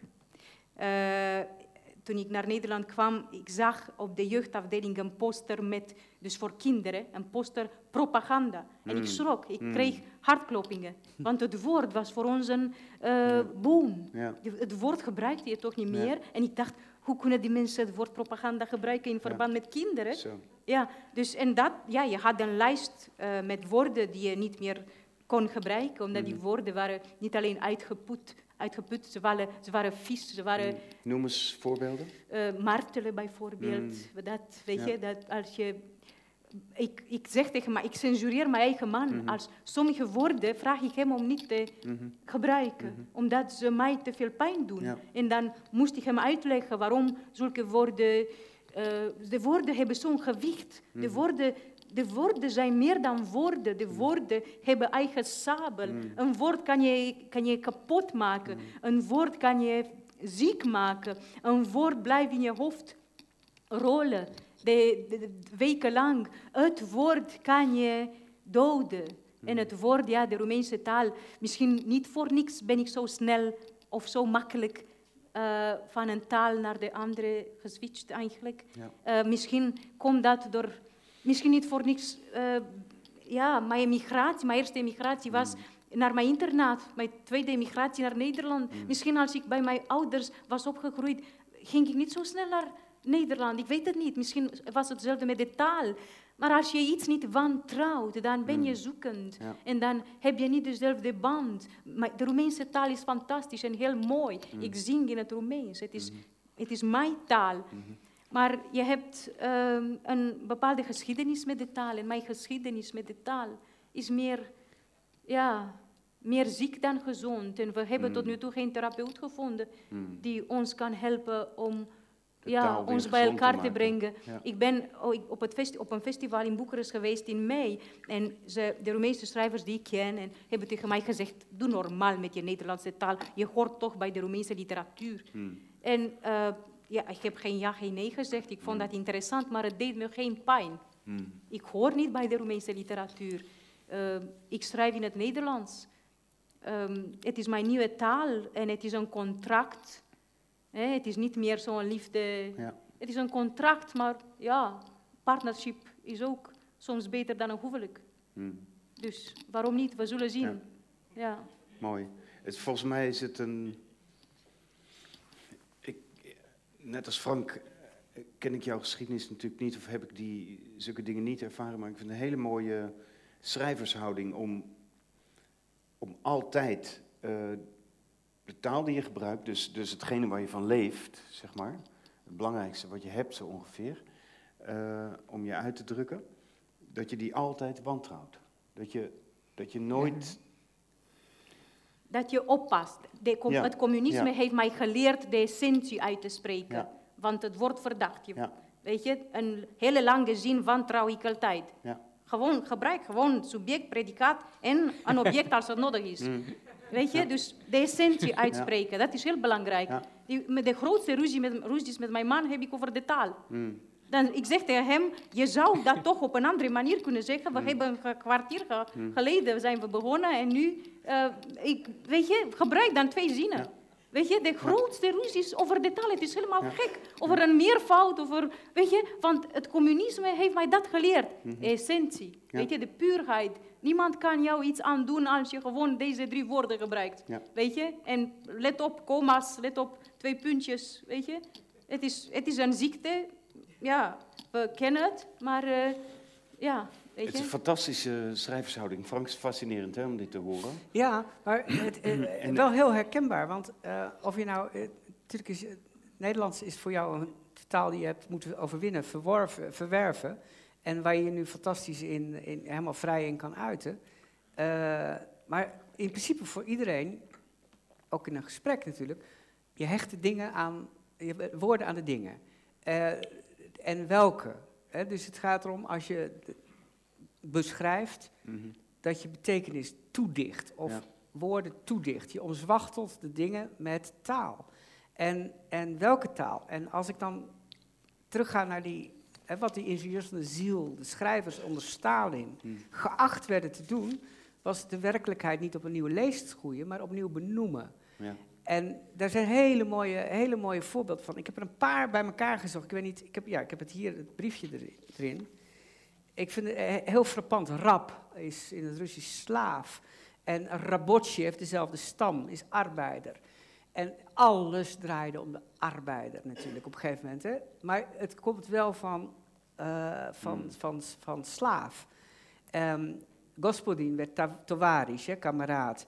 Ehm, de eenling die afweek Gospodin is meneer. ja, Ja, de- eh, de, een- de eenling die afwijkt van het collectief. eh, de eenling die afwijkt van het collectief. Eh, Stot die is dat collectief. Dat, Mm. is, dat was zoiets van, wat doe jij nou? Mm. Denk je dat je het recht hebt om je te onderscheiden van de rest? Dat is vrij essentieel. En dan werd je een wrak naroda, wat, Mm. eh, een vijand van het volk. Ehm, wat je zag hing af van hoe je het noemde. Dat is de speelgedachte van de socialistische semantiek. Schrijvers voerden de woordrevolutie aan. In de pers en de literatuur he- heerste naasting van privé- privébezit. Hè, dus het afpakken van privébezit. Collectivisatie, ja. Ja, zo kun je het ook noemen. Mm. En wie zich daartegen verzette, die verdiende een heropvoeding in de socialistische school der arbeid. Het werkkamp dus. Ja. De socialistische school der... Voor, als, arbeid. als, Frank, als Ja? schrijver is dat fascinerend natuurlijk. Ja, Ehm, want je ziet daar letterlijk een werkelijkheid gebouwd worden. ja maar eh, nog één voorbeeld Sorry. hier. Glopok, katoen. En dat is in Oezbekistan, heel Oezbekistan werd ook katoen, want er moesten katoentjes komen voor het leger, zoveel voor het Rode Leger. Dat was pijnlijk voor de Oezbeken, dat ze overal katoen moesten verbouwen. Mm. Maar dat heette Bieloje Zolota, dus wit goud. Ehm, de katoenplukster, wie dochter en kleindochter ook katoen plukte, die had een dynastia gevestigd. Mm. Hè, dus Hmm. van katoenplukkers. Ja. Dus wij gebeur- gebruiken dat dynastie voor iets heel anders. De kolgozen die een miljoen roebel per jaar opbrachten, werden uitgeroepen tot kolgos milionieri. Mm. Miljoenen kolgozen. Dat De is de leden- specialisatie van de ga je- taal. De leden van deze miljoenen eh, eh, ondernemingen ontvingen een bonus in potten en pannen. Ehm, Mm. maar wat je, dus, wat je dus krijgt is het herbenoemen, Ja. dus andere woorden hechten aan de dingen. Ja. En als je dat herhaalt, herhaling is een stijlmiddel. Mm. Herhaling is een, is een mantra. Ja. Is, en creëert mede een werkelijkheid. Mhm. Ik wil naar je eigen omgang met de taal. Ehm, dit zien gebeuren, hoe gruwelijk het ook was, is fascinerend als schrijver. Om te zien hoe Maar ik schrik hiervan, want ik ben bang dat ik op een bepaalde manier ook in die, precies in die, in die val trap. het geven van woorden, het benoemen van dingen en ze daardoor van betekenis veranderen, bedoel Ja, je dat? ja, Mhm. ja. Eh, Van kleur, van lading, van... van, Ja. van Maar dat kan niet. Hier kan dat niet gebeuren, omdat je geen tweede of een derde hebt die jou verplicht het woord te gebruiken als een mantra, communistische Maar mantra. Frank, nee, Frank heeft, niet zoveel... Frank het heeft in- geen, het heeft geen, geen, geen, geen gevolgen, maar iets kan, iets kan vals klinken. Maar jij bent, want jij bent op jouw manier in een woord een woord en, en ook in interviews die je hebt gegeven. ehm, zelf de afgelopen jaren juist ook wel gaan twijfelen aan de kracht van het woord. De kracht van het woord die je net zo, zo vurig beschreef, maar je bent ook wel maar, gaan twijfelen. Maar, maar Chris, niet, niet, niet aan de kracht van de vraag. Niet aan de kracht van het ongerijmde. Niet aan de kracht van de, van de twijfel. Niet aan de kracht van eh, het niet weten. En dat, is, dat zijn allemaal woorden die ik nu uitspreek. Dus voor mij is het beschrijven meer het bevragen geworden. ja, En, en het bevoelen. ja. En als ik eh, zeg, ja, ik zeg, ik, ik maak reportages. ehm, wat doe je dan? Nou, dan zeg ik, ik loop de werkelijkheid na. Mhm. Om te kijken of alles echt wel zo is als ik, als ik denk dat het is. Alsof je, van spreken, eh, een, soort, een, soort, een soort landmeter bent die door de straat gaat. En, Mhm. en eigenlijk, eigenlijk, eigenlijk kijkt, is het wel zo? Mhm. Ik ga er even naartoe. Ik wil het weten. Ik wil het meten. Ik Ja. wil het voelen. Maar ik ben wel steeds meer. Juist daar. Ik vind, ik vind het. Het ongeruimde vind ik heel erg mooi als, al- als dat wat ik eh, niet met elkaar in overeenstemming kan brengen, meteen. Mm, We hebben het over censuur mm, en we hebben het over schrijvers die daar fanatiek aan hebben meegedaan. Ja. omdat mm. Hè, dus Maxime Gorky Ja. bijvoorbeeld. Hè. Dus, dus wat is dit? Dus een Is dat- schrijver die zijn talent inzet voor het Ja. eh, stroomlijnen van wat er gezegd mag worden en gedacht mag worden. Is dat Ongeruimd, maar ik vind het Nee, des te nee, fascinerend. Zeker, maar Ja. is die, de precisie die, die je van jezelf vraagt, de waarachtigheid die je van jezelf vraagt, de, de, de accuratesse in de woordkeus om te beschrijven wat er gebeurt in de wereld, is dat bij jou ook gegroeid door de confrontatie met dictaturen, met oorlog, met tragedies, met, met, met blind geweld? Moet ik even over nadenken. Dus niet. Anders was je bewust van het feit dat je alerter geworden was. Nou, bijvoorbeeld in een woord en woord heb ik heel veel teksten van terroristen bekeken. Mm, Fascinerend, hè? mm, Eh, een terroristische daad heeft altijd een bijsluiter. Er is altijd een pamflet, er is altijd een internetpublicatie en altijd een. eh, anders Breivik, de Noorse. Hè, 800 800 pagina's. pagina's voordat hij de deur uitging. Eh Ulrike Meinhof, Rote Armee-fractie, met die typemachine Mm, van haar. Das Concept staat Guerilla. mm, Zeg ik het goed? Maar er staat zo'n eh Kalashnikov op de voorkant. Dat is het pamflet van Rote Armee-fractie. Fascinerend, fascinerend. mm. De manier waarop zij het Duits gebruikt. Goethe gebruikt ook Duits. eh, Schiller ook. Ulrike Meinhof ook. Het is een prachtige taal. Maar wat krijg je? Je krijgt zinnen en eh, ik weet niet of ik ze in één greep kan. Er staat een citaatje ergens. als, ik het, als ik het kan vinden. Eh, oh, dat gaat niet natuurlijk in één keer lukken.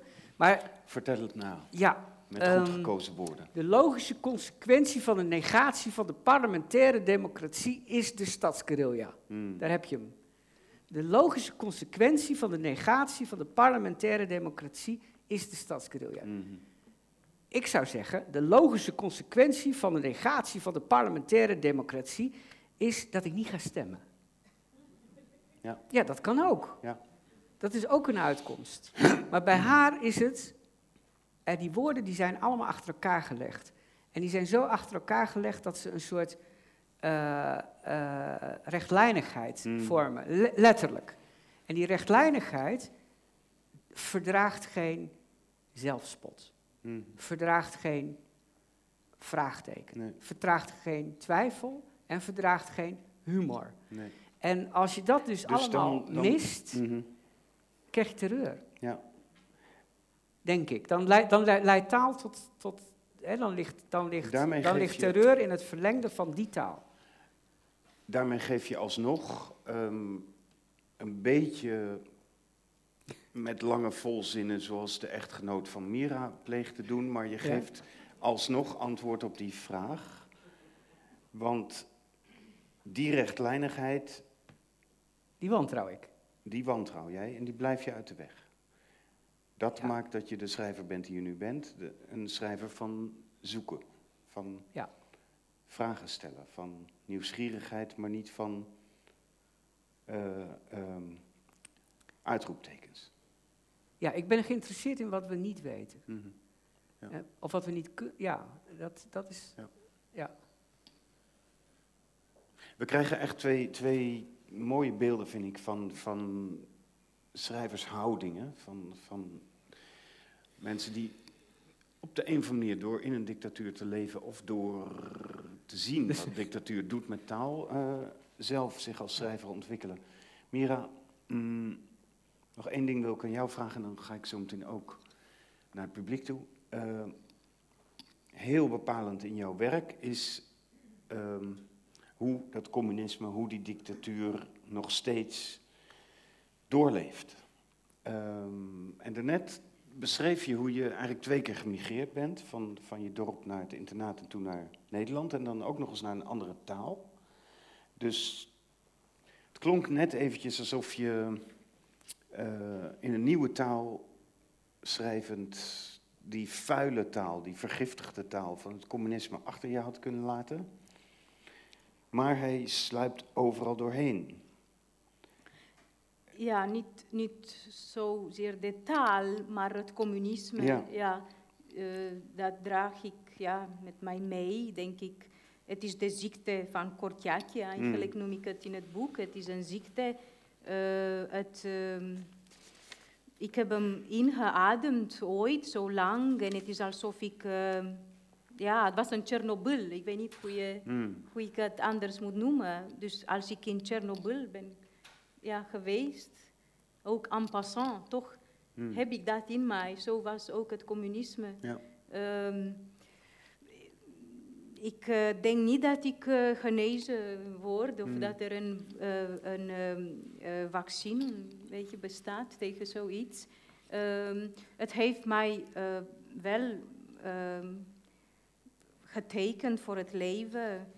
Het heeft mij ook misschien ook iets goeds gegeven. Namelijk?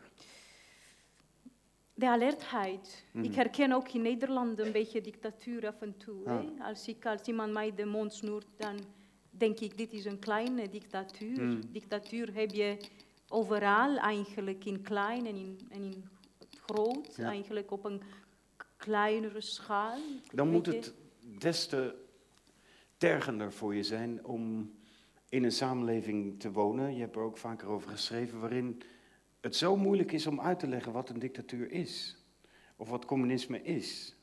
Want je ziet soms, natuurlijk leven wij niet in een dictatuur en niet in het communisme, maar je ziet, je bent heel gevoelig voor signalen van, laten we zeggen, machtsmisbruik. Ja, ja, dat klopt. Ik ben heel gevoelig. Gelukkig ehm, hoef ik dat niet elke dag uit te leggen. Hmm. Ik herinner me dat mijn dochter vier was en ze kwam van school en ze was zo trots. Ze zei, mama, ik was de enige in mijn klas die wist wat een dictator was. Hmm. En ik dacht, ik weet niet of ik blij of verdrietig moet zijn, want arm kind van mij weet al wat een dictator is. Ehm, ja, ik, eh, ja, mijn leven is mooier geworden. En ik leef in een vrij land. Natuurlijk zie je ook vlekken, kleine dictators, overal. En ik herken het, maar het is... Weet je, ik, ik heb bijvoorbeeld... Het, het komt nu binnen het, het, eh, gedicht van eh, Remco Kampert. Mhm. Verzet begint met kleine woorden en met kleine dingen. Ja. Weet je, het feit dat Remco Kamper niet zo ver van mij woont en weet dat, maakt me blij. Hmm. Weet je, er zijn zoveel mensen, ook hier in de zaal, die zoveel weten over de ziekte van ja, het communisme. Ja. Zoveel mensen met wie ik dat kan delen. Zoveel mensen die begrijpen hoe het was. Hmm. Zoveel mensen die weten dat we wel wc's hadden in Roemenië, Hmm. maar geen brood. Ja. Eh, ja, en ik, ik weet niet, ik ben een beetje ja, universeller geworden. Ik heb een derde land, Zuid-Afrika, gekregen. Weet je, en, en, en Ook een voormalige dictatuur. ja, daarom herken ik denk ik veel dingen van Roemenië, maar ook iets moois in, Mhm. in Zuid-Afrika. En ze hebben er trouwens best veel zwarte mannen ook. Ja, dat weet ik al, weet je. Ik heb een, eh, ja, ja, ik ga niets meer zeggen. Ja. Uiteindelijk in het nu. Ehm, afgelopen zomer was jij, net als heel veel Roemenen die in het buitenland wonen, in Boekarest. ja, Bij massale demonstraties tegen de huidige volstrekt corrupte regering. ja, Eh, die demonstraties, we hebben het gezien, eh, zijn keihard neergeslagen. ja, Eh, en jij kwam er vandaan, we spraken elkaar daarna, kort daarna.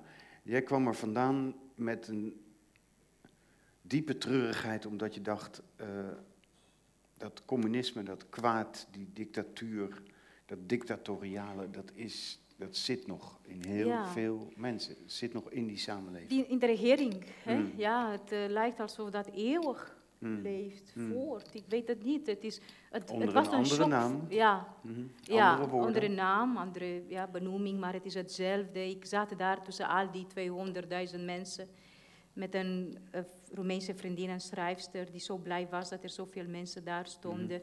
En ik, eh, mijn keel deed pijn. Ze hebben traangas ingezet en eh, waterkanon. En ik keek naar die kinderen om me heen die dat ook, die ook keelpijn hadden. En ik dacht, zal het ooit eindigen? Zullen die kinderen een beter leven hebben? En dat waren mijn gedachten toen, maar ik had geen idee dat dat zo'n impact op mij zou hebben. Iets op mijn psyche eigenlijk. Het heeft iets met mij gedaan. Ik, ik weet nog steeds niet of ik het goed gedaan heb voor mezelf om daar te zijn. Mhm. Wat Het- zet je aan het twijfelen? Ehm, de regering ja, is nog steeds aan de macht. Mhm. Er, er is niets veranderd. Eh, eh, de Europese Unie heeft, zegt geen woord over wat daar gebeurd is. Die mensen, die geweldige mensen, stonden daar wekenlang. Mhm. Er zijn, ja, sommigen staan nog steeds daar op het plein in Boekarest. Voor hun was het heel belangrijk dat mensen zoals jij uit heel Europa terugkomen. Ja, ja, we hebben, ja ze, ze- zij hebben Europa doorgekruist om Mm. daar te gaan staan. Mm. Het is zo mooi. En, maar ja, weet je, in het Frans zeg je à quoi bon? Hmm. Ja, wat had dat? Wat haalt het uit? Ik, ik weet het niet. Ik, ik, ik ben zo verbaasd dat zo'n corrupte regering aan de macht kan zijn Hmm. Anno 2018. Dat het communisme, het is net als een drak met zeven koppen. Mhm. Weet je, je gaat zeven, weet je, kapot slaan of eh, snijden en dan komt er nog één Ja. bij. En Ja. het is, het is, een, het is een, een, een sprookje, maar een gruwelijk sprookje. Ja. En dat is de definitie van mijn land tegenwoordig. het is verschrikkelijk. Die onuitroeibare ziekte. Ja, het is de ziekte van het communisme. Hmm. Op deze vrolijke noot. ehm, wie zou er graag iets willen vragen aan Mira of Frank? Ik weet niet of Zo. wij het... eh, hebben we een microfoon nodig? Eh, Misschien is er een microfoon. Oh ja. Dan doen we het met microfoon, dan kan iedereen je zeker horen.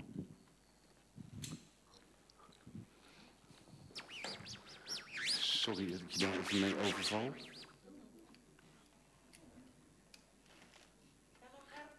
Doe maar. ja hoor. Misschien niet opgenomen. Stel je voor.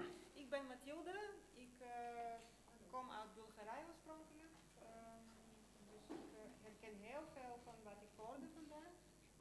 Ehm, ik, ehm, ja, ik, ik, eh, ik weet, ik, ik wil één vraag stellen en iets zeggen. Dus het is een beetje... Doe maar. Nou, je hebt er even over kunnen nadenken terwijl de microfoon geprepareerd werd. Ga je gang. Ja, dankjewel. Oh. Hm. Ehm, dat is slim trouwens. Eh, ga ik niet de hele avond praten. Ehm, ik, ehm, ik was verrast eh, enigszins te horen eh, dat jij, toen je opgroeide in Nederland, dacht dat in het Oostblok, ik had dat uitdrukking Oostblok, Mm. maar goed, die ehm, de vijand leeft. Want ik dacht dat hier een vrije samenleving was. eh, en, en mensen wisten eh, wat de werkelijkheid is. Mhm. Dat natuurlijk gewone mensen niet vrijwillig in dictatuur wonen. Mhm. Eh, dus, maar goed, ik was niet zozeer verrast, want het is natuurlijk een propagandaoorlog geweest, die. Koude Oorlog. Eh en propagandaoorlog is niet alleen van de ene kant, maar van beide kanten. Zeker. Dus mijn vraag is ook van hoeveel men ervan bewust is, of ook schrijvers ervan bewust zijn, dat dat ook eigenlijk een propaganda was. Mhm. Ehm, ik- Iedereen weet dat in het communisme propaganda was. Hè? Daar is Mm. geen twijfel over. Ik ben opgegroeid Maar je met... vraag is eigenlijk of wij hier toen beseften dat wij ook... Of, of later misschien Ja. meer, ik weet Mhm. het niet. Ik, ik, Daar kan Frank Westerman misschien wel iets over zeggen. Een andere vraag. Maar Ja, maar Even deze. Zal ik de, ehm, eh, Ja. Nou, in zoverre dat eh, van huis uit, daar had ik het over. Eh, mijn ouders, de kerkgemeenschap, de school, het was een christelijke school.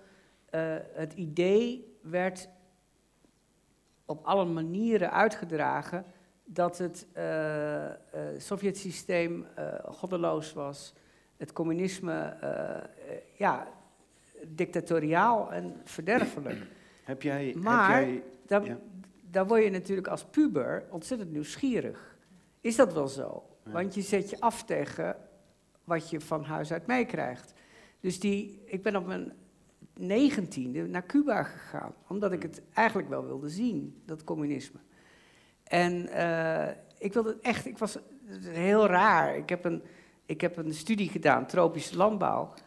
En op een gegeven moment dacht ik van, ik stop mijn studie, want ik wil misschien naar de tropen, maar ik wil eerst weten wat het is om in de tropen te zijn. En, nou, tropen, tropen. Ik wil Cuba en Jamaica vergelijken.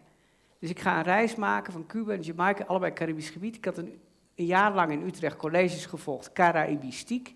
Dus ik wist iets van de landen en de achtergrond. Maar ik dacht, ik ga vergelijkend warenonderzoek doen.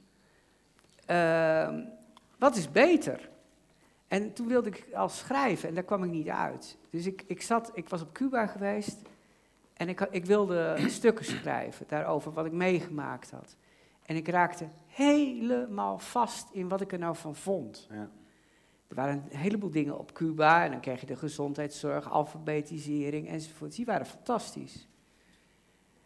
Maar je kon natuurlijk niet zeggen van ik wil het buitenlandbeleid van Fidel Castro, vind ik maar niks als je op Cuba. Nou, en eigenlijk zat ik helemaal, helemaal klem met wat moest ik daarvan vinden. Maar dat ik nieuwsgierig werd, dat ik het wilde zien, dat ik het niet van horen zeggen wilde, maar ik wilde het zelf ervaren. En om nog even te reageren op die vraag, dat betekende ook dat je in ieder geval niet willoos eh, geloofde wat er door kerk of, eh, Of marxistische Ja. studenten tegen je werd gezegd.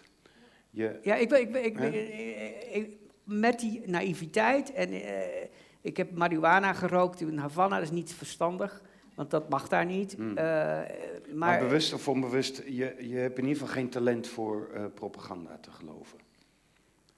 ehm, nee, maar ik vind propaganda fantastisch, Dat is wat anders. fascinerend. Dat is wat Snap je? Dus ik vind, maar even Ja. om, om, om ik was correspondent in Rusland. Op een gegeven moment, Norilsk, verboden stad heette dat. Hè? Dus een gesloten stad, daar mag je niet heen, boven de Poolcirkel. Alles was natuurlijk open. Maar er kwamen berichten, de bevolking van Norilsk wil de oude status van verboden stad terug. Die wilde zich opsluiten. Die wilden weer zich opsluiten als een soort Hmm. fossiel van de Sovjet-Unie in het ijs. Ja. In het poolijs. In de toendra. Ja, meteen de krant gebeld. Ik wil naar Norilsk. Ik wil Hmm. weten waarom willen mensen zich weer afsluiten van de Ja. buitenwereld. Ja. Van het kapitalisme in dit geval, van het wilde kapitalisme. Ja. Ehm, juist waar de geschiedenis die buitelingen maakt, maar ook dus dat mensen bijvoorbeeld ineens enthousiast raken voor iets waarvan ik denk, ja, maar dat staat zo ver van ons af, dat vinden wij verderfelijk. Dan vind ik het interessant, waarom, waarom lopen al die mensen te hoop Ja. voor iets wat ik, waar ik van, ja, eerder van zou moeten huilen. Eh, eh, in, in Belgrado liep, liepen de straten vol met mensen die Milosevic steunden. Mhm. Die maakte grappen over, over de Bosnische moslims, waarvan ik dacht dat. Ja, ik vond het walgelijk. En zij schoot in de lach. Hmm. Dus wat is het verschil als jij een grap walgelijk vindt, maar echt walgelijk? Eh, ik, ik heb er één die vind ik te gruwelijk om, om te vertellen, en de ander lacht. Dan is er iets heel raars aan de Ja, hand. en dan ga jij erop af. Ja, het is maar- tien uur. Ja, Ehm, wij moeten stoppen, want er zijn ook nog natuurlijk andere programma's in de nacht van de We beginnen om dictatuur 11 bezig. uur. oh. Ah, beginnen om 11 uur, dus we hebben een beetje speling. Niet dat we hier tot 11 uur Oké, kunnen... dan, ja, Oké. dan, dan gaan we nog bij een paar andere mensen langs. En stel je ook even voor als Eh, je ik wil. ben Dick Toet, een eh, gepensioneerde journalist. Mhm. En zeer belangstellend in eh, dicto- dictaturen. Mhm. Eh, wat ik eh, zo vaak hoor is vanuit eh, de Sovjet-Unie, maar ook vanuit Roemenië, Polen, Hongarije. dat er toch een, een- veel mensen zeggen, het, was, het, het, het is eigenlijk is er niks veranderd. En dat, dat snap ik, dat kan ik niet zo goed begrijpen. Er is de, de welvaart is toegenomen, de vrijheid is niet meer zo gebonden als die was. En dan denk ik, ja, maar ik doe me altijd een beetje denken aan de mensen die de Tweede Wereldoorlog hebben meegemaakt. En die zeiden, het was een vreselijke tijd, maar ja, er was wel een geweldige saamhorigheid. En dat was eh, alsof dat toen misschien wel erg fantastisch was om dat te hebben. En dat bespeur ik ook een beetje in deze. Ik zou jullie willen vragen, is er nou echt inderdaad niets veranderd? Mira. Ja, ehm, ja, het is natuurlijk veel veranderd. Maar het is alsof je aids hebt en krijg je behandeling. Dat betekent niet dat je geen aids hebt. betekent dat je behandeling krijgt. Be- begrijp je een beetje? Dik, weet je, het is, je bent ziek, je, krijgt een, je, je, je, bent vrij, maar toch niet vrij. Ik bedoel, gezond ben je niet meer. Eh, ik begrijp dat... die klachten ook wel. Dat Ja. is echt niet veranderd. Ja, ja, natuurlijk. En je hebt, zoals Frank net zei, je hebt die ja, nostalgie van sommigen. Om dat terug te draaien. Waarom werd die eh eh, neocommunisten werden nu, eh, zijn nu aan de macht in Roemenië? Die zijn, die, die, die oude mensen hebben op hen gestemd. De oude mensen die zo'n nostalgie hebben. Dat die in de, de tijd van het communisme beter was. Eh, dat je een eh, werk had, ja, Ja. zoiets. Dus het is wel veranderd. Ik weet het niet, maar ook niet. Maar ik denk dat, dat de vergelijking met aids, voor mij in ieder geval, ja, veel zegt. Je krijgt wel blijft. behandeling, maar ja, de mentaliteit kan je niet in, in, in 13 jaar of 30 jaar veranderen. Het is een mentaliteit. En ehm, ja, je hebt. Kijk, het feit dat het communistische systeem een crimineel systeem werd genoemd, maar pas een paar jaar geleden, dat zegt alles.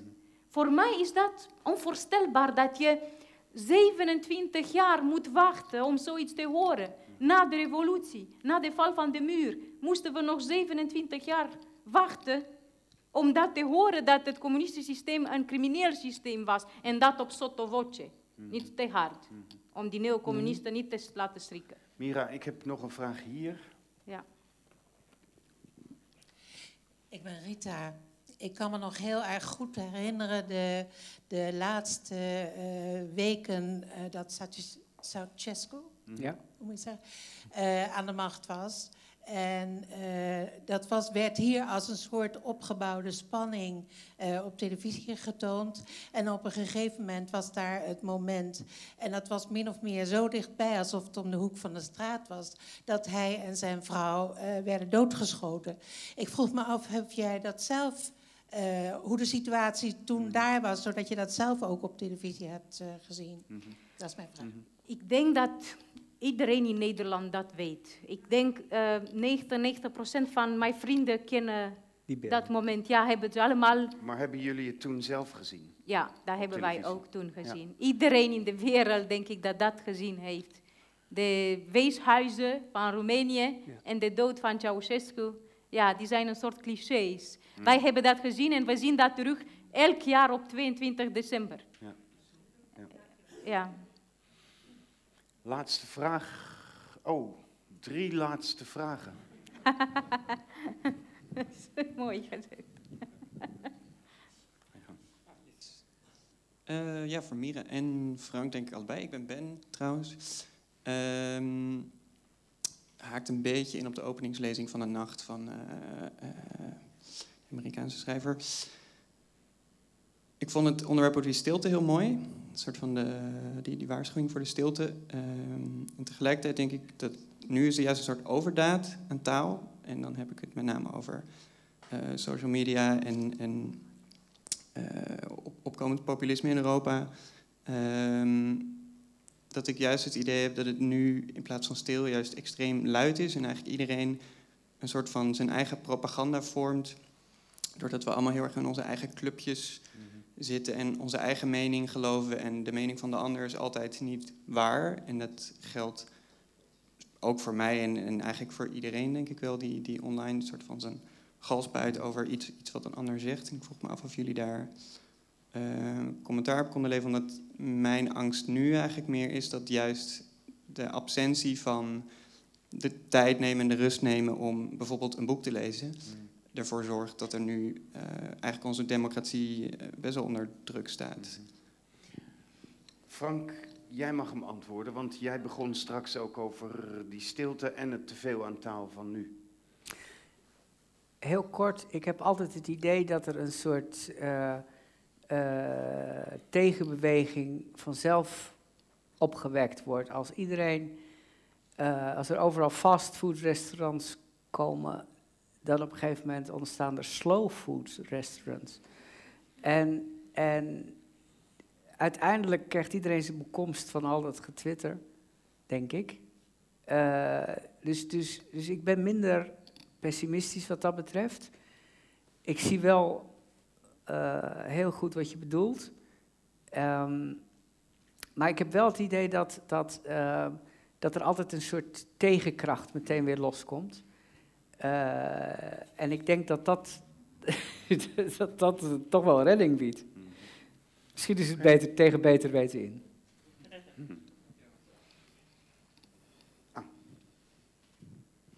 Ja, misschien daarop aansluitend, is er dan ook een verklaring waarom juist nu in uh, landen als Hongarije, Polen, uh, Tsjechië, juist nu die beweging is om meer grip te krijgen op de media, waarin uh, media steeds meer weer staatsuitzendingen worden. Heb je daar een verklaring voor waarom dat nu gebeurt? Weet je? Vraag aan Frank of Mira. Wie het eerste? Mhm. Mm -hmm. Ik laat deze aan Mira. Mm -hmm. Ik weet veel over Tsjechië en Hongarije en zo. Um, kan. Uh, ik weet dat media in Roemenië tegen de regering is en met een uitzondering of twee altijd tegen de neocommunisten was. Dus uh, ook, ook, in Roemenië is het zoals altijd, wie niet met ons is, is tegen ons. Zoiets. Dus uh, media ziet wel goed in Roemenië of begrijpt wel wat daar gebeurt. Ik weet niet, in Hongarije, ja, ik had mijn twijfels toen, toen, uh, toen een fotograaf of een journalist de, een vader, een, een, een, een, vluchteling met een kind in zijn armen schopte. Weet, weten jullie Ja. nog? Toen dacht ik, uh-oh, er is iets aan de hand daar. Dus over de Hongaarse media weet ik niet veel. Wij Roemenen zijn nooit vrienden geweest met de Hongaren. Maar er is, ik denk dat er wel onderscheid is voor wie eh, eh, heeft een. eh, het zijn de veranderingen, voor wie zijn de dingen hetzelfde gebleven, wie verlangt er terug naar vroeger. Er zijn allemaal, er zijn heel veel verschillende. Social media, denk ik, dat een andere rol spelen hier dan eh, als je juist in een, in een dictatuur kan social, eh, social media, waarvan wij denken, we hebben er te veel van, of er, er wordt te veel uh, ehm, kan dat dus een enorme kracht eh, opwekken. Dus, dus al die schakeringen zijn denk ik wel belangrijk. En één voorbeeld schiet me te binnen. Eh, ik heb het dorp Peredel, Peredelkino, is het schrijversdorp, de kolonie, gesticht door Stalin en Maxim Gorky, bij Moskou, buiten Moskou, aan de Moskwa-rivier dorpje, voor hè, die buitenhuisjes, voor de schrijvers, voor de elite. Maar de schrijvers, de ingenieurs de ziel. Nou, dat is een, er is van alles over te zeggen. Boris Pasternak, die heeft er... Allemaal hebben ze daar hun huisjes gehad. Dus het is heel mooi om daar nu te kijken. Dat heb ik gedaan, ik beschrijf het ook in het boek. Maar natuurlijk hebben de rijke Russen, de nieuwe Russen zoals ze dan heten, de Novoruski, daar, omdat het zo'n mooie locatie is, allemaal paleisjes gebouwd. En die kopen die houten, ook mooie dacha's op en zetten daar wanstaltige paleisjes neer. En eh, ik was in het huis van Boris Pilniak, dat is een van de Sovjet-schrijvers. En daar, werkt, daar woonde nog een huidige Russische schrijfster die dat huis huurde van de Russische Schrijversbond. En we liepen daar door dat huisje, hoe het vroeger was, en je ziet overal die nieuwe eh, paleisjes ontstaan van de echte maffia-achtige rijke Russen. En toen op een gegeven moment maakte ze de opmerking, ja, vroeger waren we bang, hè, onder het socialistisch realisme, Eh, en nu zijn we bang van het kapitalistisch realisme.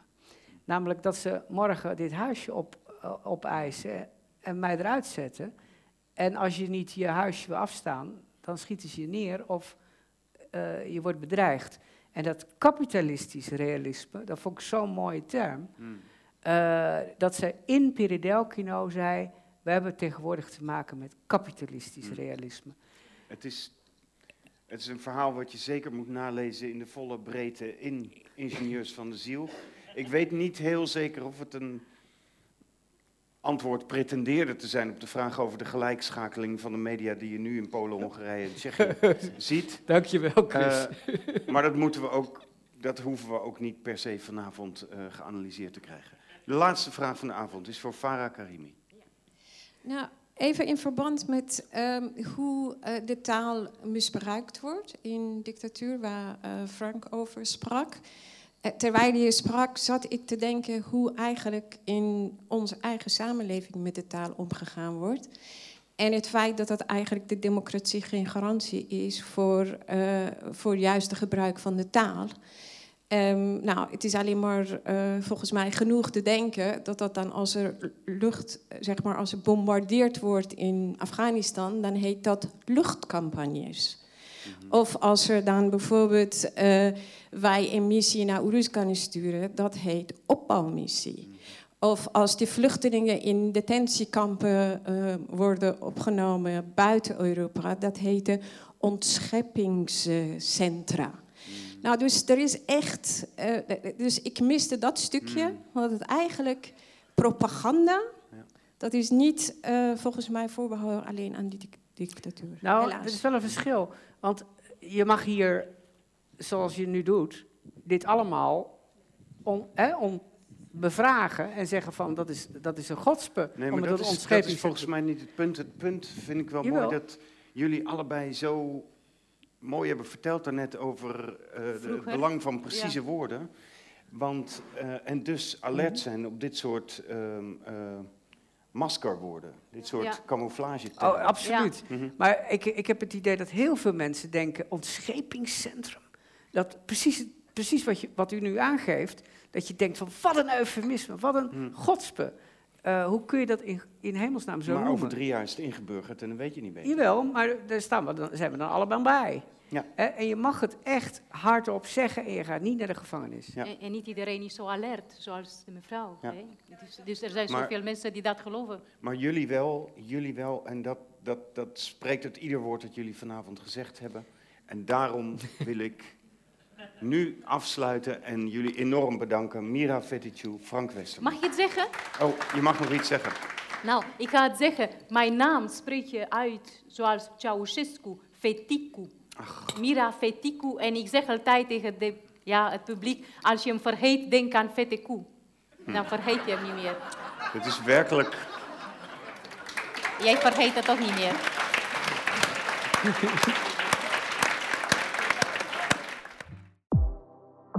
Je luistert naar de podcast van Bibliotheek Den Haag.